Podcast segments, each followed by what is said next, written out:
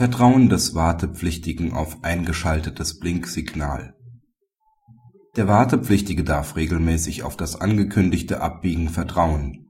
Irreführendes Blinken des Vorfahrtsberechtigten bewirkt zumindest seine Mithaftung. Der Kläger näherte sich auf einer vorfahrtsberechtigten Straße einer Einmündung. In der Einmündung stand das Fahrzeug des Beklagten. Nach eigenen Angaben fuhr der Beklagte in die Hauptstraße ein als der Kläger noch zehn Meter entfernt war. Er berief sich zur Rechtfertigung seines Fahrverhaltens darauf, dass der Kläger den rechten Blinker eingeschaltet hatte. Der Kläger gibt an, mit einer Geschwindigkeit von 60 bis 70 km/h gefahren zu sein. Nach Angaben des Beklagten fuhr der Kläger mit einer Geschwindigkeit von 40 bis 50 km/h das Landgericht ging bei dieser Konstellation davon aus, dass Beklagtenseits mit einer Quote von 65 Prozent gehaftet werde. Die hiergegen eingelegte Berufung der Beklagten blieb ohne Erfolg. Das OLG wies darauf hin, dass streitig sei, unter welchen Voraussetzungen der Wartepflichtige sich auf ein Blinksignal des Vorfahrtsberechtigten verlassen darf. Der Senat neigt offensichtlich der Auffassung zu, dass der Wartepflichtige im Grundsatz auf das angekündigte Abbiegen vertrauen darf solange nicht konkrete Anhaltspunkte die Abbiegeabsicht zweifelhaft erscheinen lassen.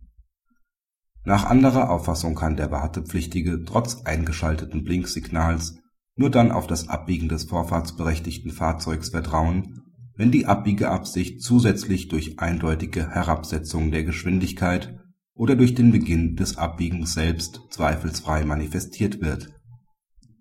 Das OLG konnte von einer Entscheidung dieser Rechtsfrage absehen da aufgrund des Fahrverhaltens des Klägers ein Vertrauenstatbestand auf Seiten der Beklagten nicht bestehen konnte.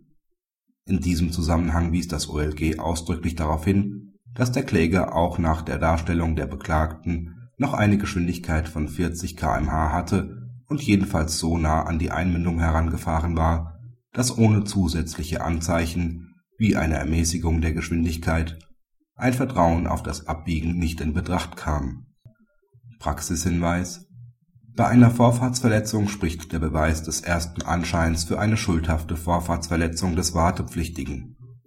Liegen keine Besonderheiten vor, so haftet der Wartepflichtige allein. Die Betriebsgefahr des Fahrzeugs des Vorfahrtsberechtigten tritt grundsätzlich völlig zurück. Der Anscheinsbeweis kann jedoch durch den Nachweis eines atypischen Verlaufs erschüttert werden. Darlegungs und beweispflichtig ist insoweit der Wartepflichtige eine Erschütterung des Anscheinsbeweises liegt dann vor, wenn der Vorfahrtsberechtigte den Eindruck erweckt, dass er nach rechts abbiegen will. Gelingt es dem Wartepflichtigen, den entsprechenden Beweis zu führen, so kommt auf jeden Fall eine erhebliche Mithaftung des Vorfahrtsberechtigten in Betracht.